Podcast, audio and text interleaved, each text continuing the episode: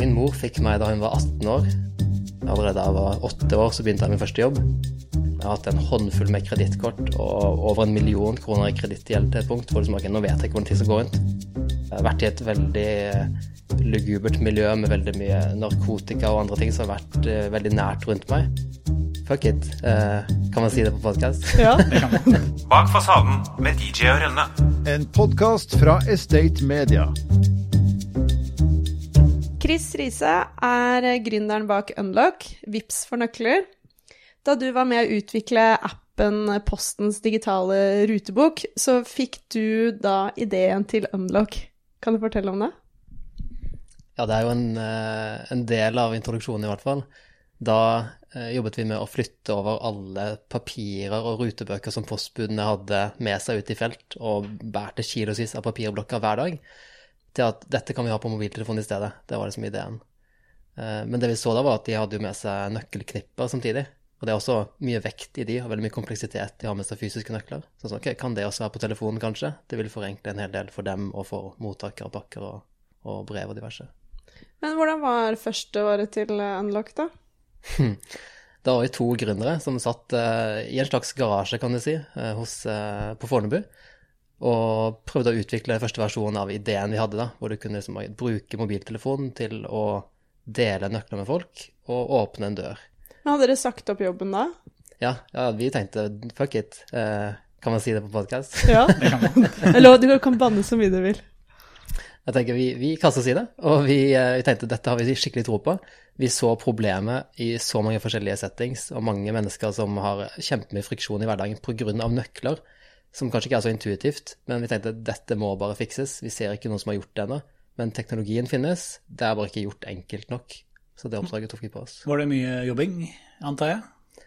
Ja, altså det, det spørs litt hvem man, hvem man spør, da. Ja. Eh, vi er jo gründere av natur, kanskje. Vi, vi liker å jobbe hardt og mye for å fikse ting, løse problemer. Så for oss er det som en del av livsstilen også. Uh, det er veldig tilfredsstillende og befriende på en måte å jobbe med egen teknologi som, som du kan bygge. Men, men, men når dere starter opp, du, jeg regner med det var ikke noen store investorer inne fra start, uh, så det, må jo bli litt trangt økonomisk? Ja, definitivt. Vi, vi starta det første året bare på å finansiere det av egen lomme. Uh, vi tenkte vi har oppspart noe sparepenger og kan bruke det i hvert fall i en periode. Prøve å bygge et produkt som kanskje noen har lyst til å betale for etter hvert. Og det var liksom det første jaget, da, bare prøve å få en betalende kunde til å, å ville ta i bruk vår teknologi. Uh, og faktisk, eh, etter ca. et år, så var det en av kundene vi snakket med, Urbanium-gruppen, som syntes produktet var veldig smart. De, dette har vi lyst til å bruke i vårt nybygg. Uh, så de, de, monterte masse låser i et nytt bygg, og så brukte de unlock i bygget. Og i tillegg så sa de at vet du hva, kanskje vi kan investere i dette også. Og da startet egentlig hele ideen om å hente kapital fra investorer samme slengen. Så da begynte vi med det. Så det var grunnen til at det klarte å vokse så raskt? Ja, det er kanskje flere grunner til veksten sånn sett. For nå har det jo skjedd mye de siste fire årene fra vi starta til nå. Eh, og vi har jo gått fra å være to gründere til et team på 40 mennesker. Vi har åpna mer enn 1,5 million dører. Eh, og det vokser ekstremt fort. Det dobler nesten hver, hver måned dobler det antallet. Eh, og det er mye takket være selvfølgelig investorer som har lyst til å finansiere den veksten og ansettelsene, fordi vi har ikke det er ikke en sånn sten for sten-type forretning hvor vi kan finansiere egen vekst. Vi trenger å ha ganske mye upfront-kapital for, uh, for, å bygge ut den drømmen. Da. Så men det er en av tingene. Men dere åpner alt av dører nå? Det er kontorbygg, private hjem, alt mulig, eller er det det var der vi startet, og, og visjonen var å åpne dører for alle overalt. Men det vi veldig raskt erfarte da vi begynte, var at det å skulle hjelpe veldig mange forskjellige mennesker i forskjellige situasjoner med å kunne åpne en dør, enten for seg selv eller for andre, det er ganske komplekst. Det er veldig mange forskjellige behov der ute. Og det, det, sprer seg ut i produktet vårt, i hvordan vi jobber kommersielt, i hvilke type investorer vi har, og mye, mye mer. Så vi måtte bare bestemme oss for at vi er nødt til å scope ned. Vi er nødt til å fokusere på én av veldig, veldig mange forskjellige domener. Så vi, vi startet med liksom, eh, kontorbygg, co-working spaces, selvbetjente lagre, hjemlevering av varer, levering til bedrifter osv. Eh, men vi fant ut at vet du hva, la oss heller fokusere inn på privatpersoner som bor i leiligheter, som har masse hverdagspains pga. nøkler.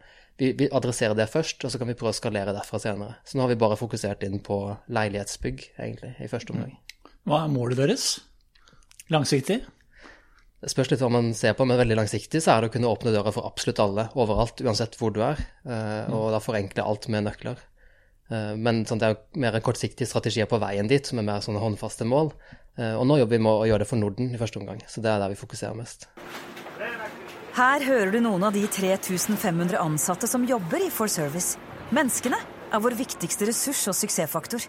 Så når For Service er opptatt av bærekraft, handler det også om den sosiale delen menneskene. Gjennom rekruttering, nye arbeidsplasser, kompetanseheving og riktige samarbeidspartnere jobber For Service for å gi muligheter til mennesker. Også de som i dag står utenfor. Alle må starte et sted. Les mer på forservice.no. Men hvordan syns du det norske proptech-miljøet er, da? Jeg syns det er spennende, det som skjer nå. Det er, eh, det er inspirerende å se selskaper som Spacemaker f.eks. få en skikkelig suksess ut av Norge. Som setter liksom litt standarden for ok, dette kan vi faktisk få til her hjemme. Vi har kompetanse, vi har faktisk noe kapital som kan finansiere opp dette. her, Og har veldig mange eh, sterke eiendomsaktører som begynner å virkelig ta i bruk ny teknologi. Og det er ganske, jeg vil si kanskje uventa. At det er en veldig konservativ, liksom kanskje ikke så teknologiinteressert bransje, plutselig lener seg framover og tenker nå skal vi ta noen byks og teste ut ting. Eh, og vi har jo et samarbeid med bl.a. Obos, som, som vi er veldig overraska over. Hvor, hvor veldig interessert de er i teknologi, hvor founder-friendly de er for et som en startup. De prøver å ta i bruk oss som en partner, hvor vi kan liksom styre litt og, og få utfylt vår visjon sammen med dem. Og det ser vi flere eksempler av i Norge. da, så liksom, Proptech blir veldig muliggjort av nettopp de store aktørene. Og det er, det er ganske unikt, det, det, som skjer i Norge, tror jeg. Eiendomsbransjen har jo vært sett på som ganske Det er vel en av de Eiendom- og byggebransjen er vel noe av det minst digitaliserte, blir det sagt. Mm. Eh, hvem er det som er vanskeligst å forholde seg til? Han kaster sånn fakkel inn i rommet. Eller, eller hvilken type selskaper er det? Jeg tror jo, jo, større du er, jo mer kompleksitet du har i selskapet, altså jo mer intern politikk du har, jo flere divisjoner, avdelinger og veldig mye sånn kjernevirksomhet som skal ivaretas, jo vanskeligere er det å introdusere noen ny type innovasjon og helt ny tenking av hvordan du skal bygge forretningsmodell, eller tenke på faktisk bruken av bygget, versus å bare forvalte eksisterende ressurser. Det, det, jo, så jo større og mer komplekst du er, jo vanskeligere er det å jobbe med. Eh, og der sier jeg at Obos er ganske unike, altså, for vi har veldig mye erfaring med de. De har faktisk fått til det. Eh, skilt ut en egen divisjon som investerer i startups, som er veldig tett med partnere som oss. Og vi ser også flere selskaper som gjør det. Men jeg, jeg tror det er en haug av eksempler på det motsatte, hvor det er veldig vanskelig å jobbe med disse aktørene. Så vi håper jo at de type eksemplene kan vi prøve å, å lære av, og dele liksom, okay, hvordan lykkes du i sånn type corporate startup-samarbeid. Mm. Det tror jeg vi har veldig mye å hente av. det. Hvis vi skal gå litt uh, tilbake i tid for å prøve å forstå bedre hvem du er. Mm. Så du vokste jo opp uh, med en alenemor i Finnmark. Riktig. Uh, hvordan var det? Kan du fortelle litt om starten? Ja, min mor fikk meg da hun var 18 år, og da var det bare oss to. Hun, hun var veldig ung, veldig alene om det. Og hun studerte på dagtid, jobbet på kveldstid, og det var egentlig sånn gikk dagene. Eller sånn går nå dagene, som man sier i Finnmark. Ja, for det, det, det, det, med den dialekten er noe som jeg har begynt å tenke på også. At ja, du hørtes ikke ut som Du har ikke så voldsom sånn nordlendingdialekt. Nei, jeg kan nok legge om hvis jeg vil. Ja, okay. eh, og hele slekta mi er jo fra Finnmark. Ja. Så jeg vokste opp på Nordkappøya. Du kommer liksom ikke lenger nord i landet. Nei. Eh, og der er det ikke mye teknologi og startup, skal det være deg. Så diskusjonen hjemme på, på rundt, rundt, julemiddagen, den er ikke så veldig teknologiorientert. Eller sånn digitalisere eiendomsbransjen, liksom, vi er ikke helt der. Men jeg vokste opp med henne der, og så begynte jeg å jobbe da jeg var veldig, veldig ung. Allerede da jeg var åtte år, så begynte jeg min første jobb. Og endte opp med å droppe ut av videregående skole fordi vi måtte bare få ting til å gå rundt. Så jeg har jobbet med alt mulig rart fra å være eh, postmann til å være grisebonde, til søppelmann, til eh, lagermedarbeider, you name it. Jeg har gjort veldig mye forskjellig. Eh, men samtidig hatt en veldig stor interesse av teknologi, og særlig internett. Jeg var så fascinert da jeg var yngre. Så jeg satte meg inn i datamaskinen og prøvde å forstå hva er dette internettet, hvordan kan man bruke teknologien til å spille, kommunisere med andre mennesker, bygge nettsider, bygge forum, bygge apps. Og det er liksom bare, jeg ble spist opp av det potensialet av å kunne løse problemer med teknologi. Så etter hvert har jeg lært meg å programmere via YouTube og Google og bare lese meg på de tingene. Bygge ting på gutterommet. Og så introdusert for verden, og så etter hvert liksom, ok, kanskje jeg kan ta betalt for det og få finansiert opp enda større ting.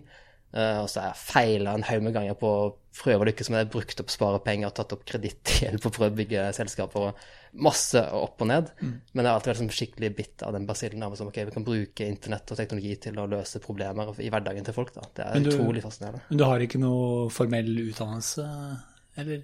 Nei, absolutt ikke. Jeg endte opp med å droppe ut av videregående skole. Jeg passet ikke noe særlig inn med det sosiale der. Jeg var veldig egentlig asosialt tilbaketrukket, og, og internett var på en måte en egen dimensjon jeg kunne gå inn i og, og leve i. da, så hvor jeg følte jeg kunne få, uh, få til ting. Kjente at det var en mestringsfølelse av å kunne bygge ting og, og lykkes med strategier i et helt annet space enn i det sosiale. da. Så jeg droppet ut og har ikke fullført noen studier. Stu, mitt studie har vært sånn YouTube og Stack Overflow, som er sånn teknologisider hvor du sitter og lærer programmering, blant annet. Men tror du det at du Fordi at du måtte være så selvstendig i en såpass tidlig alder, at det liksom har eh, påvirket deg sånn at du jeg tror at du kan få til alt? For du må ha blitt ganske sånn trygg på deg selv. Jeg har faktisk brukt ganske mye tid. Nå er, nå er jeg blitt 31 år gammel. eh, Og det er liksom klassisk i 30-årsalderen så begynner man å reflektere over, over seg selv. Det har jeg gjort de siste par årene særlig. eh, Prøvd å forstå hvor, hvor kommer denne si, driven fra da, til å bygge et stort selskap. Stort globalt fenomen, en visjon for hvordan ting kan omstruktureres. Eh, og helt konkret så ser jeg for meg liksom, vi, I dag har vi, vi har veier og asfalt og tunneler og bompenger og alt sånt som gjør at vi har en infrastruktur for å kunne bevege oss rundt. Vi har bygninger vi kan bo i. Men vi har ikke noe infrastruktur for å enkelt komme oss inn dører. Det sånn, å komme oss inn steder er ganske klønete i dag. Det er som låste dører, du må be om noen kan slippe deg inn. Den infrastrukturen må noen være med å bygge ut. Og liksom, Der har vi en visjon for hvordan vi kan åpne dører for alle overalt. Men, men hvor kommer liksom den driven fra? Den drivkraften? Uh, og noe kommer nok i, som du sier, å ha vært veldig selvstendig da jeg var yngre. Og så kan du si at det ligger kanskje også noe, noe mørkt bak det igjen, å være veldig alene og bare måtte klare seg selv. Det er liksom en slags strategi man har lært seg å, å utvikle da, for å cope med tilværelsen og sitte alene i store problemer rundt seg. Da. For det var liksom ingen du så opp til, eller Jo, det vil jeg faktisk si. Jeg hadde, min far var ikke til stede, men, eh, men jeg hadde en bestefar som nok i stor grad var min som farsfigur, da, og en slags frontfigur som representerte veldig mye av verdiene jeg står for i dag. Eh, og han var sånn typisk sånn Reodor Felgen. Samle på ting, fikse ting, eh, alltid stille opp for å prøve å ordne hva enn der. Mye sånn duppedingser og, og veldig interessert i ting, da. Men alltid skulle løse problemer. Ikke så mye på det emosjonelle stadiet, ikke så mye sånn sosial men veldig praktisk anlagt. Og det motiverte meg til at det er sånn, sånn er det man gjør det. Så jeg har alltid vært veldig interessert igjen av teknologi og internett. Det har liksom vært mitt space der hvor jeg kunne gå og fikse ting og løse problemer. Koble sammen ting som ikke helt fungerer og sånt. Men når du ser tilbake, er det sånn eh, Kunne det lett ha gått galt på veien? Definitivt. Eh, Jeg har hatt en veldig bekymra mor opp gjennom årene. Droppet videregående skole. eh, Ble boende alene, jeg var 17-18 år nede på Vestlandet, hvor dialekten forresten kommer fra. og um, det har vært noen perioder hvor det har vært uh, veldig vanskelig å få ting til å gå rundt. Jeg har, uh, jeg har endt opp med å miste forskjellige jobber jeg har hatt. Jeg har uh, tatt opp kredittgjeld for å prøve å teste ut nye ting, og også bare for å få ting til å gå rundt. Har bare gravd meg dypere og dypere med liksom, Jeg har hatt en håndfull med kredittkort og over en million kroner i kredittgjeld til et punkt hvor liksom, okay, nå vet jeg ikke hvordan ting skal gå rundt. Mistet jobben, får varsel om å ikke kunne bo i leiligheten min. Vært i et veldig lugubert miljø med veldig mye narkotika og andre ting som har vært eh, veldig nært rundt meg.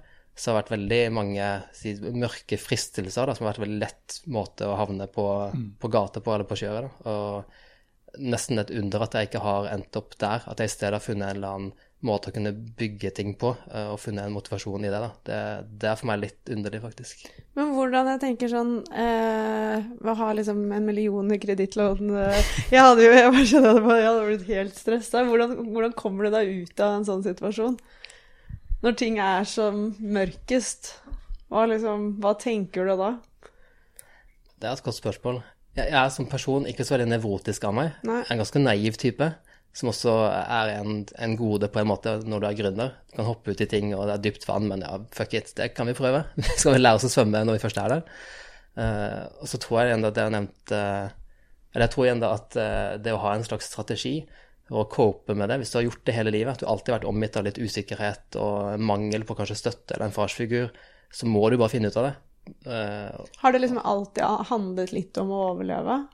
Jeg tror det. Jeg tror det, det stammer nok litt fra det. At du, liksom, du, du må bare håndtere ting. Du må klare deg. Uh, og da er nok litt bedre rusta for den type situasjoner. Om du har en million i kreditt til, så sier man det skal jeg finne ut av satt på spissen. av Du kjenner jo på intensiteten. altså Du er nervøs, du kjenner at dette går skeis. Uh, jeg klarer jo å regne hjem at det er ikke lett å betale tilbake. De rentene og de gebyrene, det, det hoper seg opp. Så sånn intuitivt så er det en ja, veldig dårlig idé å ta på en million i kredittgjeld, særlig når du ikke har en jobb. Eh, men man må bare finne ut av det. Da tar vi en kort pause for å minne om at BN Bank er spesialisten på finansiering av næringseiendom i Oslo-regionen. BN Bank er en rendyrket eiendomsspesialist og kjennetegnes av hurtighet, fleksibilitet og forutsigbarhet. Gode løsninger sikres gjennom medarbeidere med høy kompetanse og sterke relasjoner til kundene. Kontakt BN Bank nå. Tenker du at uh, bakgrunnen din liksom, at det har gitt deg liksom, flere fordeler som du ja, benytter nå? Ja. ja, det er noen erfaringer man får seg av å stå i sånne situasjoner, helt klart, som gjør at du kan uh, lettere se symptomer på ting som kan gå galt, raskere stå unna de. Uh, så er det nok en, en sånn flipside til det. Jeg blir jo veldig naiv av det. Det ordner seg jo. Så jeg kan ta på meg en større utfordring i morgen. Det skal nok gå fint, det også. Mm. Og det, er, liksom, det, det, kan være en gode når du skal bygge et stort globalt fenomen igjen, da. Men det kan også være uh, Det kan gå ganske katastrofalt galt hvis man ikke tenker gjennom risikoen. Ja, for tar du mye risiko? Definitivt. Jeg er liksom ansett som kanskje den mest eh, liberale i teamet vårt, da kan du si, som bare alltid liksom prøver å pushe grensene utfordre og tenke større. Uh, og heldigvis så har jeg klart å tiltrekke meg et talent som er litt annerledes enn meg selv, som kanskje komplementerer den siden. Er litt mer kritiske og litt mer sånn analytiske og systematisk tilnærming. Sånn, men, men, er dette lurt, da? Er det riktig å gjøre det? Vi tror ikke helt det. Så kan vi liksom prøve å ha en god dy dynamikk da, i teamet og diskutere er det egentlig smart. Uh, og jeg lytter veldig til de innspillene, uh, samtidig som jeg er kjempemotivert av de store visjonene, så vi prøver å bridge det. Står du alene i det og bare tar helt vanvittig naive valg, så tror jeg man lett kan kjøre seg i grøfta, som jeg har gjort før. som sagt. Har du noen tips du vil gi til unge folk som vil levere eh, type tech til eiendomsbransjen? Ja, eh, jeg kjenner veldig mange gründere nå eh, som, som, gjør nettopp det. Unge gründere som, som, har mange ideer. Og de stammer ofte fra at de har sett et behov. De har sett noe som ikke fungerer, et problem. Sånn, om, om, det er en hengsel på en dør som knirker, sånn som det opptar deg, det irriterer deg litt. Liksom, bit deg fast i det problemet. Få fram hvor stor den painen er for eh, den bransjen du adresserer, eiendomsbransjen der kanskje, uh, og løs problemet. Bare bygg et eller annet som løser det, og som ikke gi deg på det. Jeg tror det bare har ekstremt mye uh, standhaftighet, eller bare gjennomføringsevne på det, og bare fortsette å løse problemer. Det er folk villige til å betale for. Men hvordan er det sånn når dere skal ut i litt mer etablerte investormiljøer og hente penger? Mm. Eh, er det lett å bli litt sånn spist levende der og ende opp med små eierandeler til slutt? Ja, Det har vært veldig mye bekymring rundt det, som utvanning av eierandeler, og kanskje miste kontroll er også en del ja. eh, som, som, bekymrer seg veldig over. Eh, og jeg tror nok det sistnevnte der er nok eh, jeg personlig mer bekymret over det. Å miste kontroll over hva man skal gjøre med selskapet. Miste kontroll over de problemløsningene man liksom har gitt seg ut på. Det vil jeg si er en mye større bekymring enn hvor stor del av kaka du eier til slutt, rent finansielt. Mm. Um, så jeg, jeg, tror det som er viktig når man skal finne investorer, er spesielt å klare å finne de som er veldig uh, med på den tanken du har. Dette er et problem vi har lyst til å løse. Dette er vår visjon fortell det veldig tydelig og sikre at de er med på det. At du har en veldig god alignment, at de ser at dette tror vi på. Vi har lyst til å hjelpe deg som gründer til å lykkes med det. Uh, med andre ord ikke overstyre deg og være som best servicer på å fortelle at nei, slik skal du drive ditt selskap, slik kan du optimalisere kostnadene og drifte det best. Da har du, som, da du mista startup-kulturen, uh, egentlig, og endt opp i en sånn veldig operasjonell bare sånn uh, Hva skal man kalle det? Nesten en fabrikk. Og det er jo ikke derfor du starter selskapet, for å skape en god operasjonell base. Men disse investorene er jo ikke nødvendigvis enkle å få tak i. Eh, det har jo veldig mange gode alternative startups de kan finansiere og hjelpe med å vokse. Så ok, hvordan kan man skille seg ut der da, og tiltrekke seg de beste investorene som faktisk vil deg godt, og som forstår hva det betyr å være en gründer? Det er nok et mye vanskeligere spørsmål å svare på. Og for meg så handler det om å igjen da bevise hvor stort og seriøst problem det er du løser, og så bare bevise at man er riktig team til å faktisk løse det. Jobbe hardt for å bevise at dette har vi begynt å løse. Disse kundene betaler for det. Vi vokser, kundene er kjempefornøyde. De ber om mer, og folk strømmer til masse talent fra hele verden. Sånn som vi har ansatt mennesker fra Airbnb og Google, Facebook, Goldman Sachs på vårt team, som har gått inn i nok, kjøpt aksjer for egne sparepenger og sagt dette tror vi på, vi skal være med og løse de problemene. Etter de har blitt ansatt, så ser vi at de får bedre og bedre resultater. Flere kunder strømmer til, flere brukere strømmer til. De forblir kunder, forblir brukere. Det er en god historie å fortelle til investorer. Da, da, da er de inne på noe, Ja. Brekkhus advokatfirma rådgir norske og internasjonale kunder innen en rekke sektorer.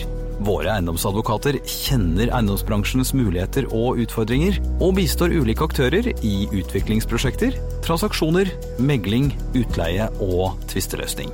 Vil du høre mer? Kontakt oss på post at breikhus.no. Det virker som det går i hundre for deg hele tiden. Så hva gjør du egentlig når du slapper av? Det er et godt spørsmål. Eh, jeg er ikke så flink til å slappe av. Det får jeg ofte kommentarer på. Eh, og da tror jeg må bare bli flinkere, rett og slett. eh, til å nesten be de rundt meg om å hjelpe meg til liksom Nå, Chris, tar du deg en ferie? Fordi jeg ber alltid folk rundt meg om å gjøre det samme. At, for jeg vil ikke at de skal opp på veggen og jobbe for hardt, selv om vi skal jobbe hardt, fordi det er viktig det vi gjør. Men trenger du ikke å lade, eller har du ikke noe sånn Jeg har en tendens til når jeg først tar ferie, så blir jeg ofte syk. Jeg tror det er en sånn type sånn eksamensfenomen. sånn at når du har jobbet beinhardt i en periode, eksamen er ferdig Nå har ikke jeg hatt noen eksamener, da, men jeg har hørt rykter om dette her. At når du da har tatt eksamen, så etter det så, en måte, så får du måte roa ned kroppen, og da, da er det som adrenalinet og forsvaret bare som helt slått av. Og da blir du faktisk syk som en konsekvens av det, før du virkelig kan få roet deg ned. Og det samme skjer med meg, kanskje i enda større grad, for jeg har gått for veldig høygir i en lang periode, kanskje i årevis. Hver dag, natt og dag.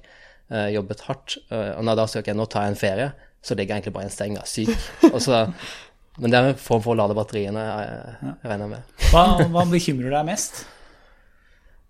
Det er mange ting. Uh, Det som ikke bekymrer meg, det er at vi, å gjøre feil. Vi gjør så mye feil. Vi gjør så mye rart hver dag. Hele teamet. Altså når vi er et team på 40 mennesker, vi gjør så utrolig mye merkelige, dumme tabber.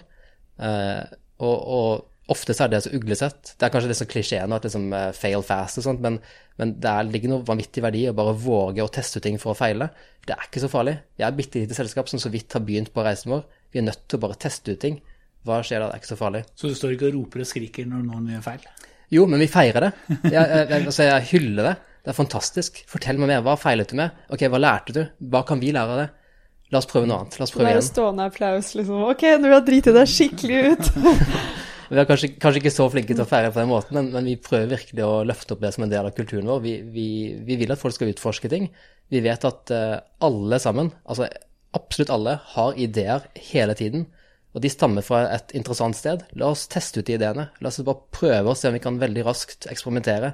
Er det noe der? Og, og kanskje ikke den direkte traff 100% men du er kanskje inne på noe. Eller så lærer du noe nytt. Du kan liksom gjøre en litt kursendring, og så der var jeg inne på noe. Men hvis du ikke får testet de ideene, så får man liksom ikke kommet noen vei. Og så er det utrolig demotiverende å sitte der og masse kreative ideer fordi du har lært et eller annet, og så prøver du å få adressert det, få noe, eh, få noe kanskje forankring internt på at lederne skal si yes, dette kan vi budsjettere for, la oss teste det ut. Det er så lange prosesser og så mye internpolitikk i disse store selskapene. Vi prøver å representere noe annet. Vi er et startup. Nå er vi 40 mennesker, som egentlig i praksis betyr at vi har flere små startups i en større organisasjon. Det er sånn vi opererer. Så vi har flere små teams som opererer helt frittstående. De kan teste ut ideene sine med sine kunder, med sitt produkt, og fortsette med det hele tiden. Teste ut nye ting. Det er utrolig gøy å jobbe med. Jeg tenker jo at eh, nå har dere fått et ganske godt innblikk i eiendomsbransjen, og i hvert fall min oppfattelse er at det ikke går like raskt der som hos dere. Eh, hva er det du tenker at eiendomsbransjen bør endre på? Jeg syns det skjer mye endringer allerede. Eh, Og mye drives nok av alt som skjer i markedet. Forskjellige behov og forventninger og krav fra brukerne av, av byggene, rett og slett. Man er vant til å bestille en taxi via Uber, du bestiller en, en leilighet på Airbnb, du får mat levert på døra på noen minutter. Forventningene er så skyhøye på at opplevelsen av hva enn du bruker, skal være top notch. Det samme gjelder kontorlokalene eller boligen din eller hva enn du leier på, kort, eh, på et kort oppdrag. Og da må også tjenestene rundt det være gode. Og, de forventningene bare øker på. Og det pusher jo egentlig fra markedet. De, de, de pusher inn at du er nødt til å forbedre det. Du er nødt til å innovere eller digitalisere eller insert buzzword. Sant? Så jeg tror den, den drivkraften ligger der, og det gjør at veldig mange eh, av de etablerte eiendomsaktørene ser nå til ok, hvordan kan vi eh, besvare de behovene. Fordi hvis vi får til det, så kan vi da ivareta en posisjon og kanskje til og med finne nye forretningsmodeller eh, og, og, bli bedre, rett og slett. Eh, og det, det, mener jeg det ser vi ser skje allerede. Jeg er ikke så bekymret for det, egentlig. Mm. Men du, du, er en gründerspirer, kan jeg kalle deg, som, eh, som, du har vist nå. Eh, og nå er vel Unlock i den fasen at dere blir litt mer industrialisert, vil jeg tro. Hva er det neste problemet du vil løse?